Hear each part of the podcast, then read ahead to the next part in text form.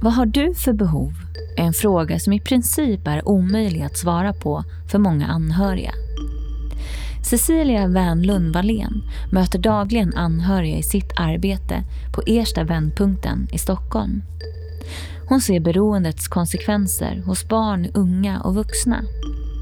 Det är brustna hjärtan, skam, utbrändhet och borttappade jag hon möter. Ersta vändpunkten är en av de få professionella mottagningar i Sverige som vänder sig mot anhöriga och var först i Sverige med att arbeta med just medberoende. Förutom utbildande föreläsningar och terapi arbetar Vändpunkten med gruppsamtal, något som verkar ha en kraftfull effekt. Anhöriga är de som stått bredvid, som bitit sig i läppar, svettats och offrat allt för att hjälpa sina missbrukare. Problemet är att medberoende personer är de sista som ber om hjälp, de sista som talar om sin situation och de sista som visar upp att något inte står rätt till. Det gör inte saken lättare. Så att berätta inför en grupp, en grupp som berättar sina erfarenheter som om det vore ens egna ord.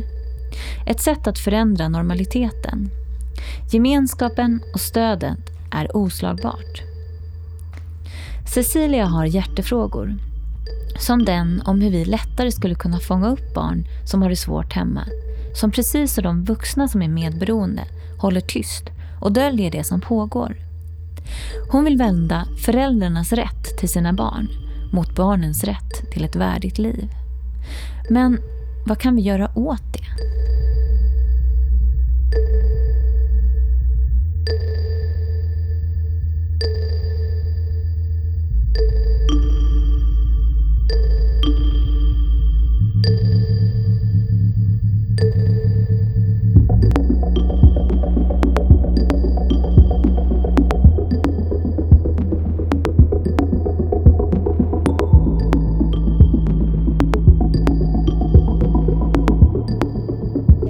Bara börja och fråga dig om du skulle vilja berätta lite om dig själv och vad det är du gör. Mm, jag heter Cecilia Wennlund Wallén och jobbar på Ersta vändpunkten här i Stockholm. Och vi jobbar med anhöriga till alkohol och drogberoende. Så vi träffar barn ända från fyra år tills man kan vara hur gammal som helst. Vi har ingen åldersgräns på det sättet. Och jag jobbar där som terapeut eh, och gruppledare. Vad är det för, eh, för typ av terapi som du håller på Alltså vi har också korttidsterapier för de som har någon anhörig. För vi startade det för ett par år sedan för att det fanns väldigt lite. Vi fick mycket förfrågningar också kring det. Så därför har vi många gånger de som har gått i vår grupp tidigare eller andra som kommer på kanske ungefär 10-12 gånger. Hur kommer det sig att du hittade till Ersta vändpunkten? Det är så här att jag har en bakgrund som behandlare. Jag har jobbat eh, många år på Maria Pool som det kallas för, eller Maria-mottagningar. Capio Maria kallas det för idag. Och där började jag en gång, och det är nästan 20 år sedan, och jobba med barngrupper på en kvinnoavdelning där. Och eh, då kom jag i kontakt med Vändpunkten för att vi hade handledning ifrån de som jobbade på Ersta Vändpunkten. Och sen så fick jag en förfrågan att börja jobba där. Så sen dess är jag kvar och det är nog 13 eh, år sedan ungefär. Men hur kommer det sig att du intresserade dig för det här ämnet? Har du liksom egna erfarenheter eller någonting som ligger Ja, det är ju så här. Anledningen till att jag kom in på det, det var att jag eh, praktiserade på Maria och jag hade tidigt en pojkvän som var narkoman när jag var i 20-årsåldern. Så därför så började jag intressera mig för det. Och det är många, jag har ju haft flera från olika organisationer som Maskrosbarn och Trygga Barnen och så. Och eh, de har ju ofta den här grejen att de anställer ju de som ska jobba med då, eh, barnen direkt. Att de gärna ska ha en liknande bakgrund och att det kan finnas ändå en slags nyckel där, att ha lite egna liksom, erfarenheter kring det och sådär. Men hur arbetar ni? Du nämnde gruppterapi och så också. Mm. Hur, hur kan det liksom se ut? Ja, det ser ut så att eh, Alltså, ofta det är väldigt enkelt att komma till oss för vi tillhör inte landstinget och vi tillhör inte eh, socialtjänsten. Och vi är ju en mottagning för anhöriga, en professionell mottagning. För vi har ju funnits i 30 år i år. Så att, eh, därför är det så enkelt att komma till oss genom ett telefonsamtal. Vi får mycket nu genom eh, socialtjänsten ringer till oss. Många föräldrar, alltså den nyktre föräldern ringer oftast. Eller om man själv är nykter och drogfri och förstår att ens barn har, då förstår man att ens barn haft svårigheter med att man själv har druckit eller använt droger, då ringer man också. Så att eh, på det sättet är det väldigt enkelt. För det är ju en sån där klassiker att många anhöriga, man är så fokuserad på den som då exempelvis missbrukar, att de flesta då blir fixerade vid att det är missbrukaren som har problem. Och att nästan en tro på att bara den här missbrukaren blir nykter mm. så kommer de här problemen försvinna. Men ni vänder ju er till anhöriga. Och vad är det för typ av problem de anhöriga har? Jag kan säga så här att det är... Alltså, de flesta anhöriga som kommer till oss de har gått förbi det att man vill hjälpa sina anhöriga. Och att man själv har fått eh, liksom svårigheter i sitt liv på olika sätt. Och många gånger är det så att man själv känner att när man är vuxen att man håller på att gå under. Eller som ung vuxen att man känner att vänta nu här, nu ska jag leva livet, hur ska jag göra? Och man kanske har flyttat hemifrån till exempel om man är ung vuxen. Och man känner ändå att jag mår inte bra fast jag, jag bor inte hemma. Eller man kanske ska få egna barn och då bör man fundera kring sin bakgrund. Men vad är det för typ av, liksom, hur visar sig de här problemen? Är, hur, jag tänker om de inte mår bra, på vilket sätt? Liksom, vad är det för? Det är, oh, alltså, jag brukar beskriva det som att väldigt många som kommer tänker att de själva är, är tokiga och knäppa. Man har fått kanske ångest. Eh, en del har fått symptom. Och eh, framförallt så är det ju så här att man får problem med relationer till andra människor. Och det är det som blir svårighet många gånger. Att man tänker att det, är, att det enbart handlar om den, eh, den som har ett eh, beroende. Men många gånger får man problem med relationer med andra också. Speciellt om man är uppväxt med beroende i sin familj. Då förstår man inte riktigt varför. Eftersom man då har flyttat ifrån så tänker man nu ska ju allting vara bra. Och sen är det inte det. Och i det läget är det väldigt många som kommer till oss. I den här förvirringen, i, i kaos. Och känslan av att man själv blir tokig. Det beskriver många eh, vuxna framförallt som ringer. Men ni täcker ju in ganska stor åldersgrupp, alltså både från barn ända upp till vuxen. Kan du se några gemensamma nämnare som alla de här åldersgrupperna liksom, eh, upplever och, och håller fast vid? Och så där? Alltså det finns ju, jag tänker så här att det finns ju det här med, som är genomgripande tycker jag, att man har väldigt svårt med tillit. Eh, att lita på. Och ett väldigt stort kontrollbehov. Eh, det är de två sakerna som jag ser allra mest. Sen, är det olika personer, men väldigt mycket just av det. Nu är det här Medberoendepodden. Ni pratar ju om anhöriga. Vad har du för relation till ordet medberoende? Ja, jag brukar säga så här att man får kalla det för vad man vill. Det, utan, men det här är ett uttryck som har kommit till Sverige då, eh, från USA. När man hade det som liksom slangtryck på behandlingshemmet där, codependency. Och sen har man bara översatt det till svenska. Så att, jag tycker egentligen inte att det är, själv, är själva ordet är viktigt. Utan det är ju själva innebörden, hur man känner sig. Så får man kalla det precis vad man vill. Så att, eh, Men om man tittar på de här olika åldrarna. Då, och då tänker jag att det finns säkerligen eh, vuxna som är föräldrar till någon, vuxna som är partner, barn, kanske någon yngre som är i en relation till någon. Hur kan de här olika anhörigskapen skilja sig mot varandra? då? Ja, alltså jag sk skulle säga att det finns ju väldigt mycket likheter i det här. Sen är det ju som barn så har man en helt annan relation. Om man är liten, om man tittar på eh, ja, små barn, de är ju liksom beroende av sina föräldrar så det blir någonting helt annat. Eh, för att barn anpassar sig till situationen och barn gör bara det helt automatiskt. Alltså jag tycker inte att... Eh, alltså man, det är därför vi har till exempel en vuxengrupp. Att man känner igen sig väldigt mycket i varandra. I, att man får ungefär, man har ungefär liknande beteende, man har ungefär liksom liknande känslor. Och man tänker ungefär på samma sätt. Så att det där kan man, det är svårt att, jag brukar säga så att det är jättesvårt att gradera eh, liksom, eh, smärta. Det, det, är ju ingen som kan säga att det ena är värre än det andra. Så jag har svårt att säga liksom direkt olikheterna. Det som det är när man kommer till våra grupper, eh, då till exempel unga vuxna, är ju en grupp som är väldigt... Eh, Eh, jag brukar säga så här, de har inte tonåringarnas liksom på väg att bli vuxna och de har inte oss vuxnas um, liksom försvar. Utan när unga vuxna mellan 17 och 25 kommer till vändpunkten, då är de där och diskuterar och eh, funderar eh, och delar med sig väldigt mycket av sina känslor och det som är svårt direkt. Men hur skiljer sig behandlingarna då? Alltså, det? är inte, vi, har ingen, vi bedriver inte behandling på det sättet. Utan det är ju, terapin är ju, är ju en del. Sen jobbar vi väldigt mycket i grupper. Och eh, vi har ungefär liknande förhållningssätt i alla grupper som handlar om att man ska, att det är samtalet med varandra som är viktigt. Jag tycker inte att det är, det är inte något specifikt sådär att det skiljer sig någonting utan alla har ju sitt eget program efter, efter ålder mera. Och sen så beror det på vad man tar upp i, i själva gruppen som är, som är viktigt också. För vi har ju då till exempel ett vuxenprogram 15 gånger, en gång i veckan, tre timmar eh, varje gång. Och där har vi också föreläsningsdelar, vilket jag tror är jätteviktigt att ha den delen också med i ett program. För det är många som beskriver det, att man förstår olika saker. Vi har till exempel med, vi pratar om sorg, skam och skuld.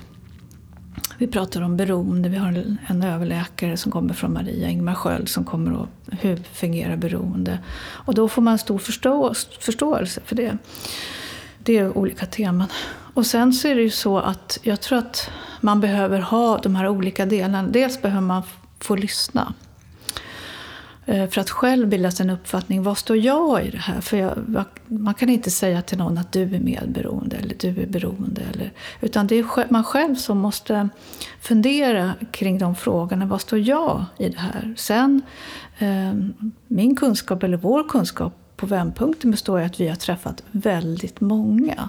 Och de beskriver ungefär samma sak. Och det är det vi pratar om i våra, i, i våra föreläsningar. Och det är, liksom, det är de två delarna. Och sen så pratar vi med varandra i en del. Och sen så ibland att man skriver också, funderar på själva frågeställningar. Och vi är ju alla olika personer, man tar till sig på lite olika sätt. Så därför tror jag att alla delar i just grupperna, att det är viktigt att det finns. Men just den här gruppformen då? Den har jag märkt är ganska återkommande. och så. Vad är det som är så bra med just att, att samtala i grupp på det sättet? Det är det som många saknar, att dela med andra. Eh, att eh, jag tänker att jag är ensam om det här problemet. Ingen annan har det som jag. Och så upptäcker man till exempel att det är någon som sitter och säger precis, vänta, så där känner jag. Eller jag känner jättemycket igen mig i din historia. Och det gör att eh, det här med att inte känna sig ensam. Och jag vet ju att många har ju också de har ju bildat kontakter under tiden efter i grupp för att kunna få känna den här gemenskapen sen. Att mm. det är det som är att det är det som blir, blir det viktiga. Och att normalisera, det, det tänker vi att det är viktigt. Ja, men det blir så här, det är inte så konstigt. Det är inte fel på dig.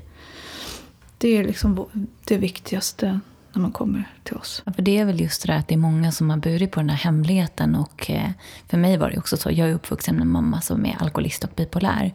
Och det är också den här känslan att, att man tror att man är så annorlunda mot alla andra.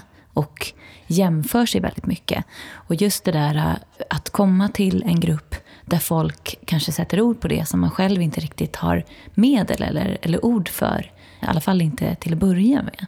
Och det märker jag nu i alla samtal att det är en återkommande mm. grej. Att inte, alltså vikten av att inte bära det här inom sig mm. och, och tro att man är så ensam. Och att det inte är ditt fel.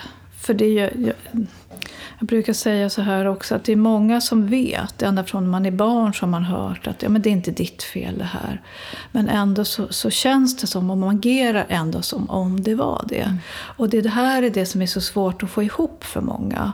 Och, och det förstår man då när man har gått på vändpunkt. Jaha, är det det? Är det därför? Då förstår jag. För att eh, ens uppväxt är en normal uppväxt. Det är inget konstigt med det, det är helt normalt. Och därför så kanske man ibland när man är barn eller så att man upptäcker att vänta nu så här när jag går hem till någon annan. Nej, men så där är det inte riktigt hemma hos mig. Ska det vara så där? Och då kanske man börjar förstå att ja, men så har man det inte hemma hos, hos alla. Och på vändpunkten så får man ju det att ja, så här har det varit. Men jag behöver inte fortsätta ha det så här. Utan det är just att det, det går att förändras. Det är möjligt att förändras. Det finns hopp. Och det tänker jag är det allra viktigaste att förmedla från vändpunkten när man kommer dit. Att även om man har haft sin historia så kan man göra någonting annat för att förändra det.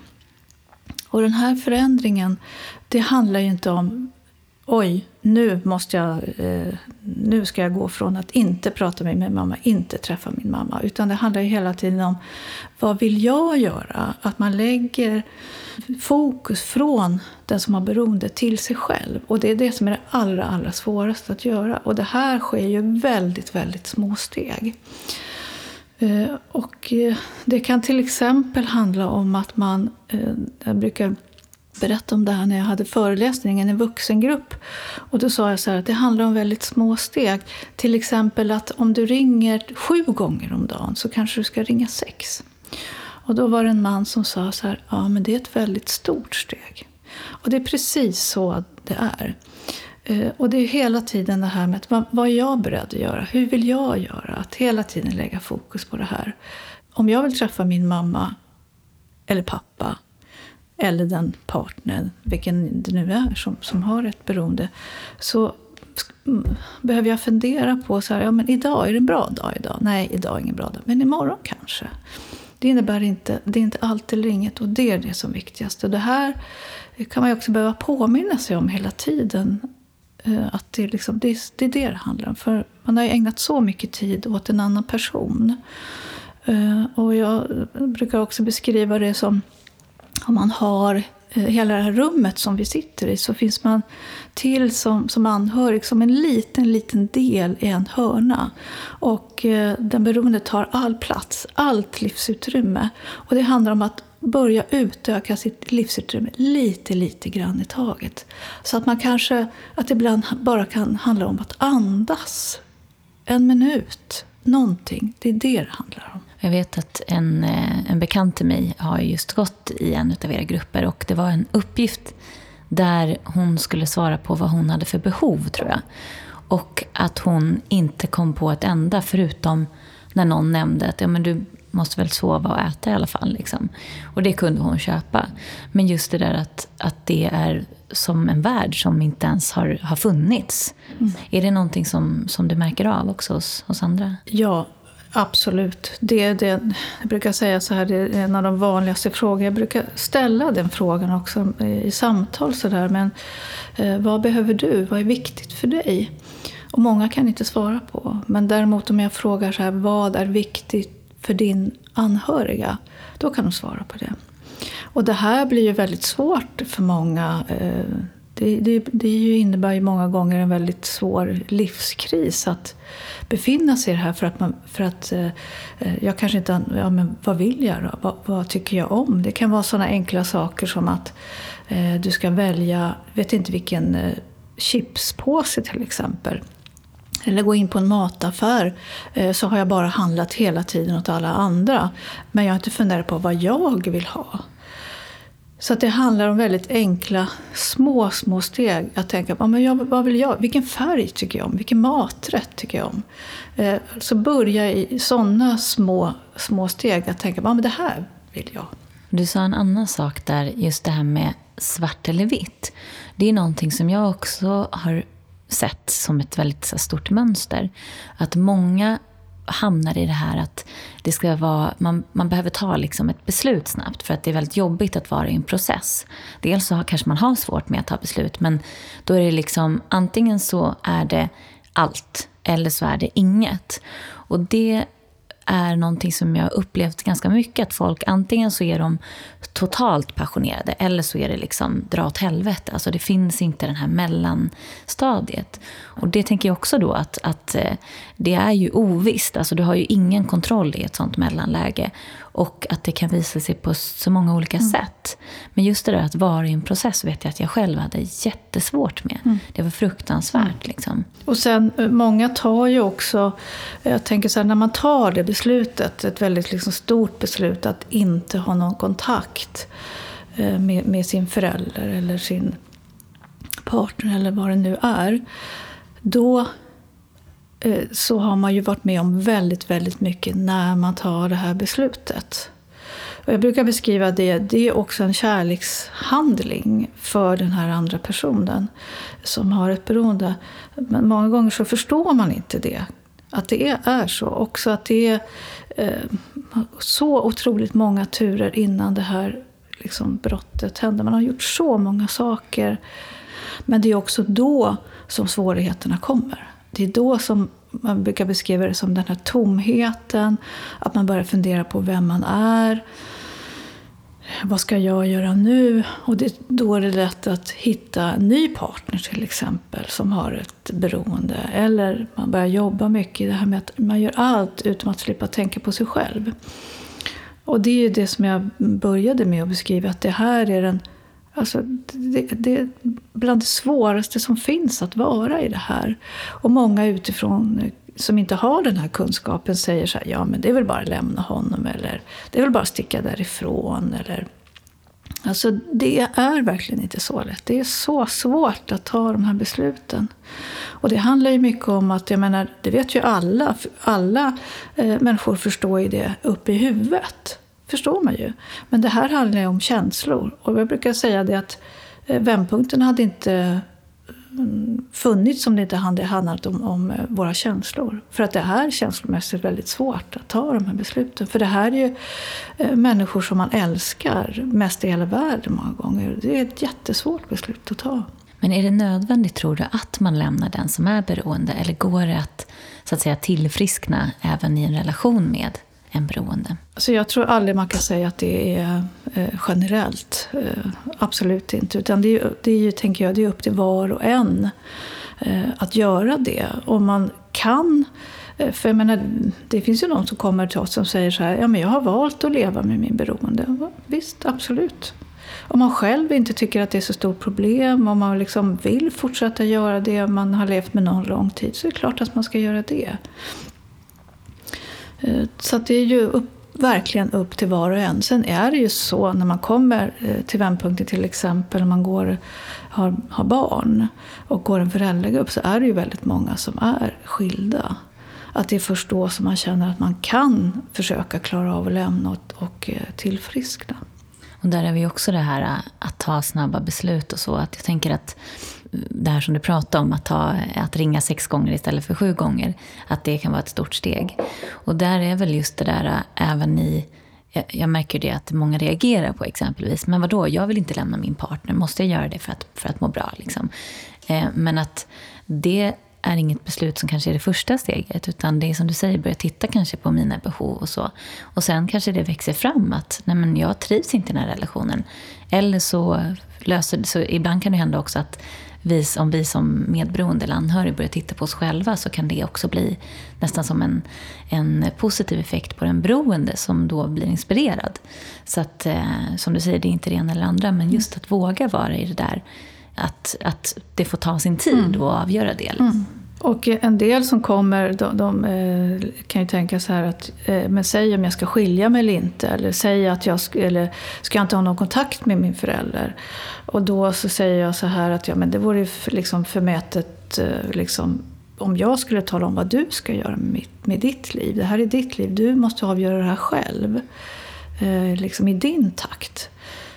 Och det är ju en, ibland för vissa föräldrar så här, som säger men säg hur jag ska göra. Men det är ju ingen som kan göra det. Däremot så kan man tala om att så här kan det vara, så här kan det bli och vara stöd i den processen. Det är det som är det viktigaste. Och det tänker jag också är det, det viktigaste med eh, vändpunkten också. Att vi inte ger råd på det sättet. Utan det är Eh, vi finns där. Det är klart, är det någon som säger så här, kommer till mig och säger hur ska jag göra?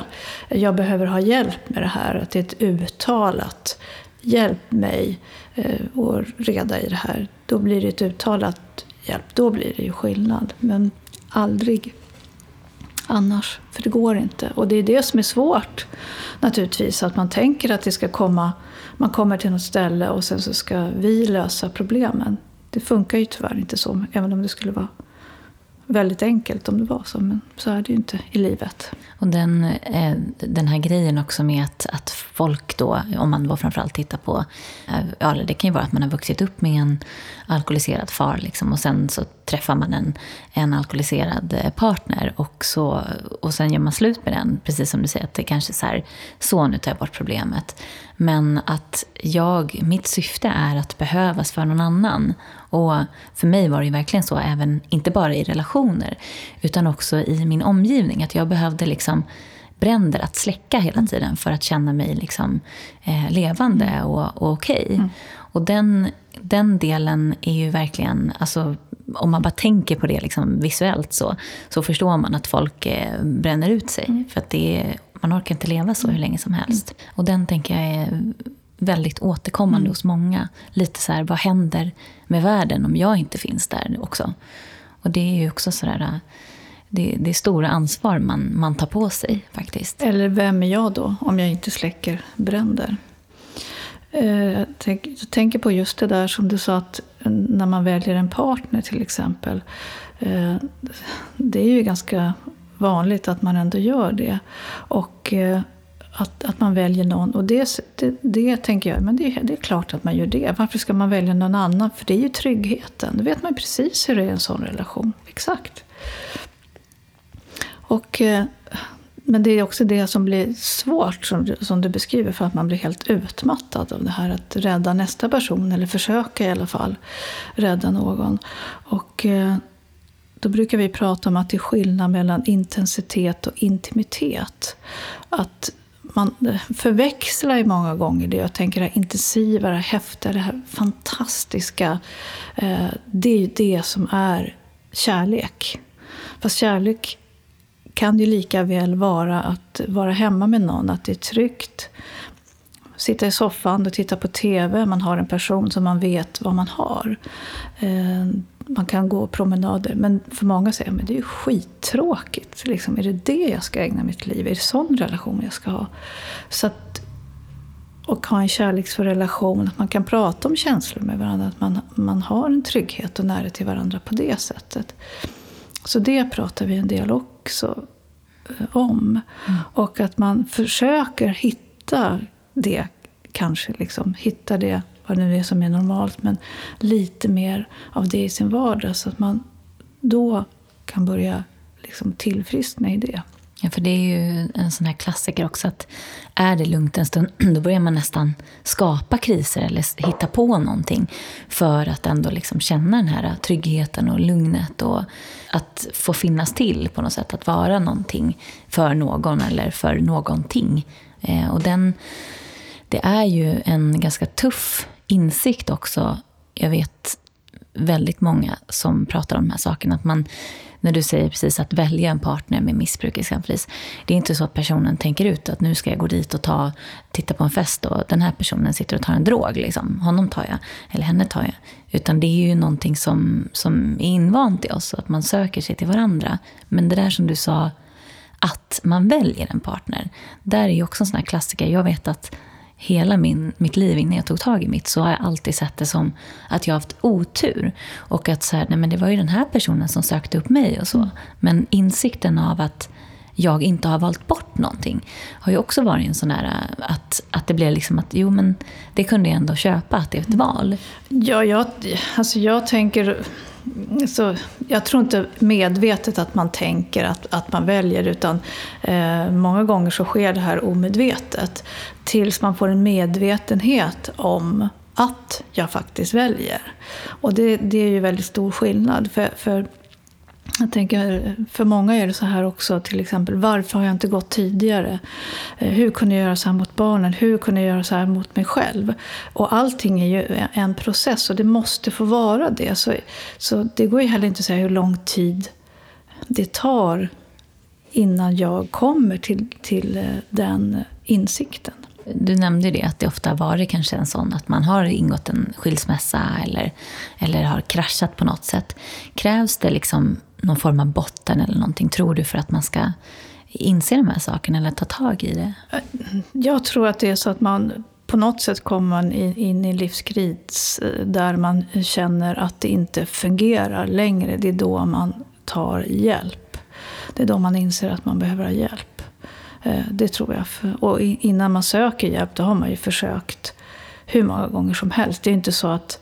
Ja, det är klart att det händer eh, ibland att eh, nu, hjälp, min man dricker till exempel och jag vet inte hur jag ska göra. Eller det har skett något år eller sådär. Och det är ganska ovanligt kort tid. Många gånger är det betydligt längre tid som det går innan man tar hjälp eller ens förstår att det är ett problem.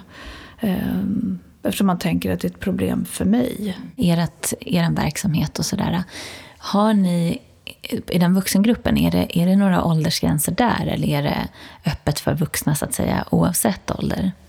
Alltså det finns ingen, vi har då över 25 år och uppåt kan man säga. Vi har ingen övre åldersgräns då. Men det är inte så, ibland kan det komma någon som kanske är 25 också och gå i gruppen, eller 24 också. Om det skulle vara så. Så det finns inget specifikt jag tänkt på det just den här äldre generationen, att det har ju ändå hänt lite grann de senaste åren att man har börjat prata mer. Det är fortfarande jättemycket skam och tabu och, och hysch-hysch. Liksom. Men att jag, jag har liksom hört nu från olika omvägar, de som håller på med medberoende eller anhörigskap, att det plötsligt kan komma fram liksom en kvinna som är upp mot 80 som sådär, aha, nu förstår jag och så. Och där, det tycker jag är väldigt intressant. Att det var det jag funderade om ni hade märkt någon skillnad i, i åldrar eller så. Eller är det generellt att det är någon liksom, medelålder så hos er? Ja, det tycker jag ändå att det är. Det är ju mest kvinnor som söker hjälp. Um, så det är mest kvinnor som går i en vuxengrupp. Och det är... Uh, jag kan inte säga att det är någon generell skillnad, att det är väldigt många som söker. Sen är det ju många som, det här med som har till exempel kvinnor som har hand om en, ett barn, är det mycket vanligare, som har ett missbruk. Som, ja, som kommer till oss då, som har levt länge i det här. Men män, tar inte, i alla fall inte som tar kontakt med oss, tar inte lika stor utsträckning eh, hand om barnen som har ett narkotikamissbruk. Det går inte så lång tid att man tar hand om sin 50-åriga son till exempel och är helt förtvivlad när de kommer hem och förstör hela lägenheten. Det, det är intressant det som män, nu pratar jag om äldre och så, men mm. det, det där är också, det ligger ju en jättestark bild, speciellt då när man pratar codependency, att det ska vara den här frun till en alkoholist. Och där är det ju också en sån där myt som, jag märker det i dem, jag får ju liksom en del mejl och så, att, att fördelen att våga höra, eller att kunna höra en man berätta om sina erfarenheter. För det är ju precis samma mekanismer, oavsett kön eller ålder. Och det är jätteintressant det där som du sa, vad det, hur, vad det kan ha att göra med också, varför de inte, inte söker hjälp eller inte hamnar i den, mm det forumet så att säga? Alltså, nu har jag ju ingen vetenskap kring det, men jag, jag tänker mycket att det handlar om, vi kvinnor, vi börjar ju liksom tidigt att prata med varandra om olika saker. Att man, är, man har en vana att diskutera med vänner och, och sånt om allvarliga saker, vilket män inte i lika stor utsträckning gör. Eh, det är vad jag liksom tänker själv om det. Men det är precis som du säger, absolut, det är ingen skillnad vad det gäller män eller kvinnor i medberoende. Man beter sig exakt på samma sätt. Sen kan vi säga så här att eh, eh, många gånger om, om man lever en man och en kvinna i en relation och det är kvinnan som, som dricker så, så går mannen tidigare ifrån relationen. Vad det beror på det, det vet jag inte riktigt. Eh, men det ser, så ser det ut i alla fall. Nu, eh, du nämnde det också att ni firar lite 30-årsjubileum i år. Mm. Då tänker jag att det blir sådär att man, att man ser, ser, tillbaka på, på tiden som har gått och så. Kan du se då någon förändring som har skett just i det här sättet hur vi förhåller oss till, till anhörigskap och, eh, kan man se någonting hur det har utvecklats? Jag tänker att det ändå har blivit mer fokus på det på senaste, eh, på senaste tiden. Det har kommit fler organisationer som, som jobbar Eh, med det. Så på det sättet så blir det ju mer, mer fokus på medberoendeskapet. Men jag tycker fortfarande att, mm, att det fattas eh, en hel del kunskap på olika om, områden kring hur svårt det här eh, problemet är att leva i det här. Och det är ju så många som är drabbade av någon som har beroende i sin familj eller någon arbetskamrat eller så. Så det här finns ju verkligen överallt utan att man förstår kanske då att det är så det fungerar.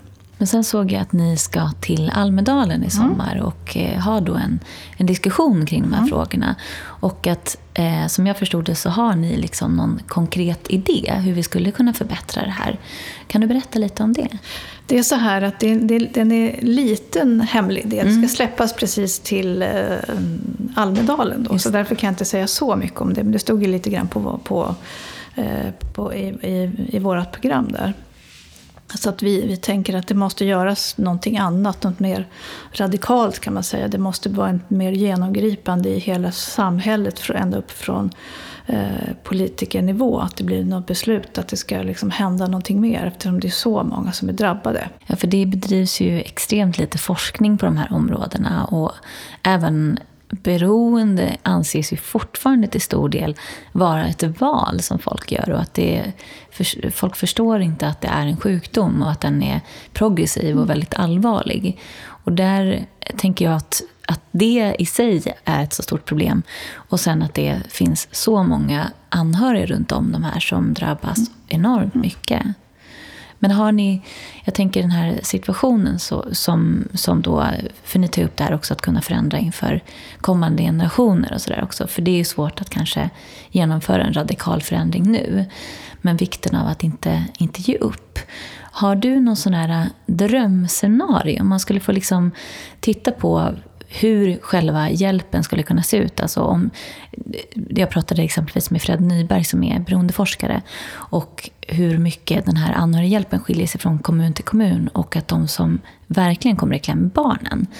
Hur, alltså har du någon sån här drömscenario hur man skulle kunna ta hand om de här personerna som, som ändå lever i anhörigskap? Alltså jag tycker också självklart att man behöver ha en eh, utbildning i hur medberoende fungerar. Till exempel att man ska ha i, på Socialhögskolan, att man ska kunna ha utbildning där. Borde en självklarhet att det borde finnas en beroendeutbildning. Det borde vara i alla utbildningar där man jobbar med människor. Någon form av beroende eller medberoende utbildning så att man får förståelse för den här processen. Sen så är en sån här personlig dröm som jag har det är att, typ att man ska kunna ha familjecentraler i eh, alla kommuner egentligen. Som att barn kan gå för alla problem. Att man behöver inte gå, ska gå, behöver ta reda på utan är det, har man ett problem av något slag eller vill ha hjälp så går man till en familjecentral och där kan man få hjälp för alla sina problem. Och där är det självklart att eh, att barn till missbruk eller psykisk sjukdom, att, all, att man ska få den hjälp som man behöver. Men framförallt är det fortfarande kunskapen om att det är en beroendesjukdom, att en hjärnsjukdom, eh, behöver komma ut betydligt mera. Att man förstår hur komplicerad den här sjukdomen är. Och att den som har ett beroende kan vara vem som helst. Det syns inte på utsidan. Det är inte de som sitter på parkbänken. Och det är ett stort problem eh, att man tror att det är så. Man förstår inte att man kan ha en sjukdom om man har eh, ett arbete, om man utåt sett är ganska liksom, välfungerande. Att man har den här allvarliga sjukdomen. Alltså jag har gått, jag har gått både i terapi och i, i tolvstegs anhöriggrupper. Och hur många som kommer med den här idén om att hör jag hemma här? Alltså är jag kvar? Alltså, finns, finns det liksom i min Eh, pappas eh, mängd i drickande. Liksom. Är det nog för att jag ska räknas in här? Och så. Och barn, jag pratade med Olivia Trygg också, hon sa det att det är jätteolika. Folk kan ju bara känna att min mamma är konstig. Att man inte riktigt har ord på det där. Och att det är ju jättesvårt som barn då att söka hjälp för att min pappa är alkoholist. Om man inte ens vet vad det innebär. Och den där idén om att det är parkbänksalkisen, mm. liksom, att det är mm. bara där alkoholismen finns exempelvis. Men då tänker jag, finns det en familjecentral så finns det också kunskapen där om ett barn söker hjälp för om man har ont i magen eller för somatiska sjukdomar. Eh, för, för många gånger idag så är det barnet som blir problemet. Och det är ju inte så. i skolan till exempel. Det är väldigt mycket diagnoser nu. Men vi tänker att det behöver inte alls handla om att alla har de här diagnoserna. Utan att hur har man det hemma egentligen då? Är det någon som har frågat barnen hur man har det hemma? Eh, så att det blir väldigt fokus att det blir problembarn. Istället för att det är någon som liksom tar tag i det här och frågar, vänta nu, vad händer med familjen? Hur har du det egentligen? Det är ett, eh, det är ett väldigt stort problem. Mm. Och det där som du säger med kunskap. Jag tänker sjukvården överlag. Eh, jag har en, en bekant som håller på med, med forskning och kommit fram till det att det jag tror att det är, då tror jag att man har fokuserat på sjuksköterska om jag inte minns fel. Men just det här att det har varit en större eh, att man har liksom gjort sig orosanmälan i större mån när det har kommit till barn som redan från början är kanske familjer som är lite, ja, har en sämre social status eller så. Och det där är ju jätteproblematiskt då om man tittar på det vi pratade om, om nyss. Att tro då att även de här utbildade personerna förhåller sig som om den här problematiken enbart existerar i de utsatta samhällsdelarna, eh, ja, förorter och så. Liksom.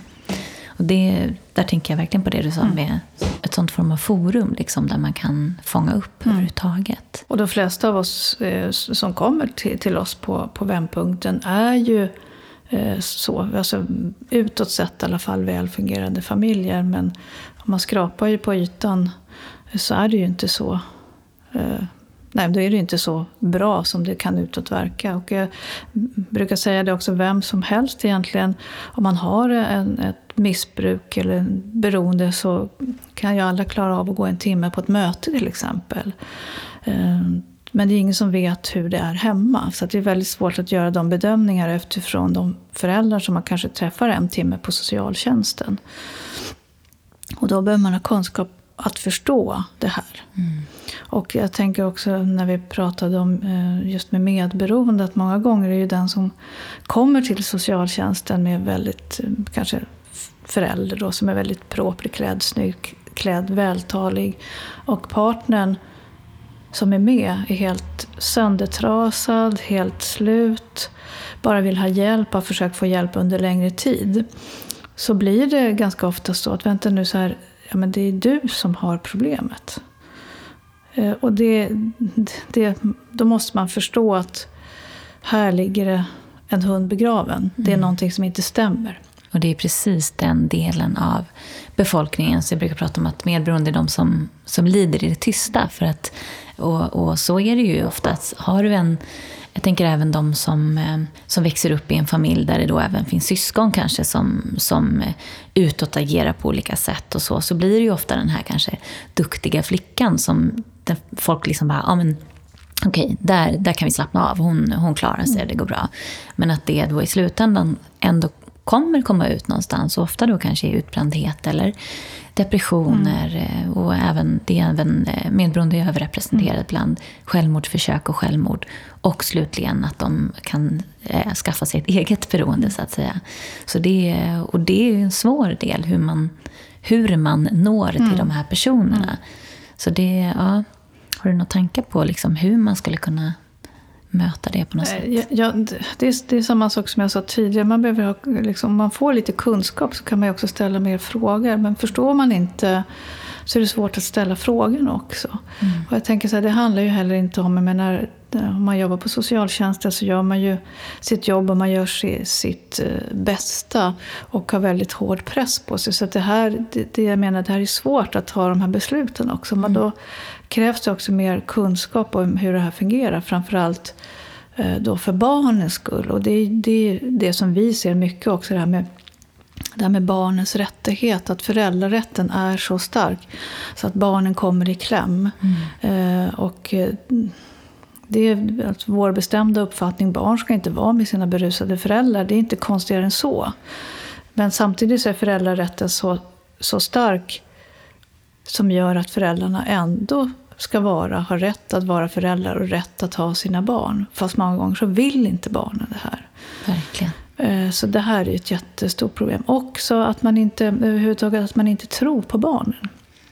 Alltså barn, eh, alltså om barn säger någonting, om barn berättar någonting.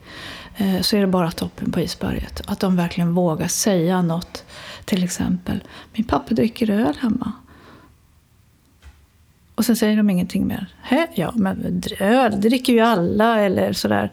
Då har de sagt någonting, lämnat någonting som eh, man måste fundera mer kring och kan fråga lite mer kring. Mm. Utan att bli så rädd för det. Eh, och får man det förtroendet för att man berättar någonting så ska man ta det på allvar. Att man utgår många gånger från, där har jag flera historier som, som också som handlar om att man utgår från att barn ljuger. Eller att tonåringar ljuger. Mm. Och att man tror på föräldrarna istället. Mm. Och vad är det som säger det? Att jag menar, vi vuxna ljuger också. Så där brukar jag säga, det där är min mission lite grann, att man ska tro på det som barnen berättar. Ja, den är jätte... Och, och återkommande ofta bland de som, alltså som det sen går riktigt illa för själva. Så även om man tänker de som slutar i, i ett eget missbruk. Och, och vi pratar ju också om ganska stora siffror vad det här kostar samhället. Men, men just det där också, det är väldigt många som, som vittnar om det också, att det kan vara en person som gör jätteskillnad för det här barnet exempelvis. Att det är en person som tror och en person som lyssnar. Det kanske inte alltid är den personen som har makt att göra någonting. Men att det är så viktigt med förtroendet. Som du pratade om, tillit har alla jättesvårt för. Och att få ett förtroende, det krävs ju då någonting i den här relationen. Det är inte så att du berättar det för första bästa vuxen. Liksom, utan det. Ja, jätte, Jättebra poänger. Det känns verkligen som att det här är någonting som, frågor som vi tar upp som verkligen måste pushas på och förändras för att det ska kunna förbättras som helhet. Jag tänker anledningen också att man inte tror på barnen. Det är också mycket på grund av den här fina fasaden som man visar upp. Och att har man ett beroende så, så ingår det många gånger att man är väldigt manipulerande. Eh, och då så väldigt charmig många gånger. Väldigt liksom Ja, det är många väldigt fina personer som har ett beroende. Och då vill man ju inte att själva familjehemligheten ska komma ut. Och, då, och vi vuxna har ju alltid på något sätt att vi har en relation till andra vuxna eh, som vi är, mer viktigare än relationen till eh, barnen. Så vi är mer angelägna om att den relationen ska fungera än relationen till barnen. Så därför så blir det många gånger att man inte riktigt lyssnar på barnen eller inte riktigt tror. För jag är så rädd att min relation med dig ska gå förlorad. Så att, för vad ska du tänka om jag ställer några frågor? Eller vi har ju så bra relation och då kanske du blir arg på mig. Eller, och då glömmer man bort barnen. Och det här att eh, om jag ser tillbaka på mig själv som nioåring och någon hade då försökt luska lite i vad som pågick där hemma så skulle jag ju vara extremt bra att se till att ingenting anas. Och ofta så kompenserar man ju som barn jättemycket för de, de trassliga saker som finns. Men det jag tänker på är att om jag eh, exempelvis skulle ha fått någon som kom och berätta om sitt problem eh, en film kanske, eller överhuvudtaget bara en, en öppenhet i, i, klassrum, så kanske det steget inte hade varit lika stort. Så om man inte kan nå från så att säga, eh, sociala sammanhang och, och sjukvård och så, att, att det ändå liksom, hur vik, vikten av att exempelvis de här organisationerna då som jobbar med, mot barn och ungdomar verkligen behövs verkligen behöver nå ut med den här kunskapen och, och ta bort den här skammen. Alltså det, är, ja, det är helt otroligt att det kan vara en sån skam mm. faktiskt. Mm. Det är en sjukdom mm. det handlar om någonstans. Men om någon skulle vilja söka hjälp eh, och komma att vända sig till er, hur, har ni sådär att det är någon kö eller hur funkar det? Tar ni emot många? Det är väldigt enkelt att komma till oss. Antingen så skickar man ett mejl eller också ringer man ett telefonsamtal så bokar vi oftast in ett samtal då. Sen kan man också anmäla sig på nätet på våran, eh, på våran mejl som anmäla, anmäla till grupper eller anmäla på, på terapi. Så att det är ingenting som är krångligt på det sättet. Ibland kan det vara lite väntetid för vi har ju till exempel våra program eh, en gång per termin har vi startar vi. Så att vi startar nu i slutet på augusti och sen startar vi i januari när skolan har börjat. Så där kan ju väntetiden ligga. Och sen har ju vi ibland till vissa program så har vi ganska många som, som söker. Men vi, vi försöker att man inte ska få vänta för länge. Och är det så att man får vänta för länge då försöker vi också att eh, man får komma på något samtal under tiden bara sådär. In, inte en gång i veckan men någon gång i månaden. Att, eh, så att man inte ska liksom tappa sugen om att att komma till vändpunkten. Kostar det pengar att gå och se eller hur funkar Ja, det kostar eh, i ett barnprogram så kostar, och ett föräldraprogram så kostar det 1500 kronor. Och unga vuxna kostar det 950 kronor. Och tonårsprogram kostar också 1500 kronor för då ingår ett föräldraprogram. Och ett vuxenprogram kostar 9500. Eftersom vi får ju inga vi får ju ansöka om verksamhetsbidrag från Stockholms stad eh, varje år och vi, vi är beroende av bidrag för att driva mm. vår verksamhet. Men det man, man ska alltid söka till oss brukar vi säga. För är man barn eh, eller tonåring eller ung vuxen så kan man söka en fond. Och eh, där får man ju alltid nästan beviljat de här pengarna. Så länge vi får anslaget vill säga mm. då, för att gå. Men de flesta kan ändå eh, betala, men det ska inte hindra en från att komma till oss. Vuxna är det svårare för, för vi får ju inte... Eh, man kan få en del mm. betald eh, om, man, om man ansöker. Men vi får inga bidrag för vuxna. Men det är bra att veta, tänker jag, för de som, mm. som nu funderar på. Det, är ju, det vi verkligen kan komma fram till är att det är jätteviktigt att ta hjälp. Mm. Att inte gå och vara den som, som hjälper alla andra, mm. utan att förstå att vi, vi klarar inte det här själva utan vi behöver mm. verkligen hjälp utifrån. Jag skulle säga att första samtalet kostar ingenting, det är kostnadsfritt. Eh, och sen så för unga vuxna, från, eller från 15 år upp till 25, så får man gå för 70 kronor per gång. Och sen kostar det 725 kronor, så att där har vi också lite rabatterat. Har du några sista sådär råd eller tankar? Nu tänker jag rent praktiskt. Finns det någonting, en person då som kanske inte har, eh, kan få hjälp direkt eller så, finns det någonting, något verktyg man kan ta med sig för att liksom ja, börja, börja titta på sin del och, och frigöra sig lite grann från den här missbrukaren exempelvis? Alltså jag tänker ändå att det är viktigast att man ändå tar hjälp på något sätt. Att prata med någon, att man vågar bryta, alltså vågar bryta hemligheten, ta, ta hjälp av någon och berätta hur det är. För att det underlättar så mycket att man ändå har någon att vända sig till. Och det brukar ju vara så att börjar man berätta för någon så, så kan man berätta för flera. Så att man inte bär hela det här själv. Mm. Men ändå att ta hjälp på något sätt. Jättefint. Jag låter det bli sista ordet. Tusen tack Cecilia för att du var med och delade så fint. Tack. Vill du veta mer om Cecilia och Ersta vändpunkten kan du gå in på www.erstadiakoni.se. Vill du veta mer om medberoende kan du gå in på vår hemsida www.medberoendepodden.se. Följ oss gärna på sociala medier och där heter vi Medberoendepodden. Sen vill vi passa på att önska en fin sommar och vi ses igen i höst.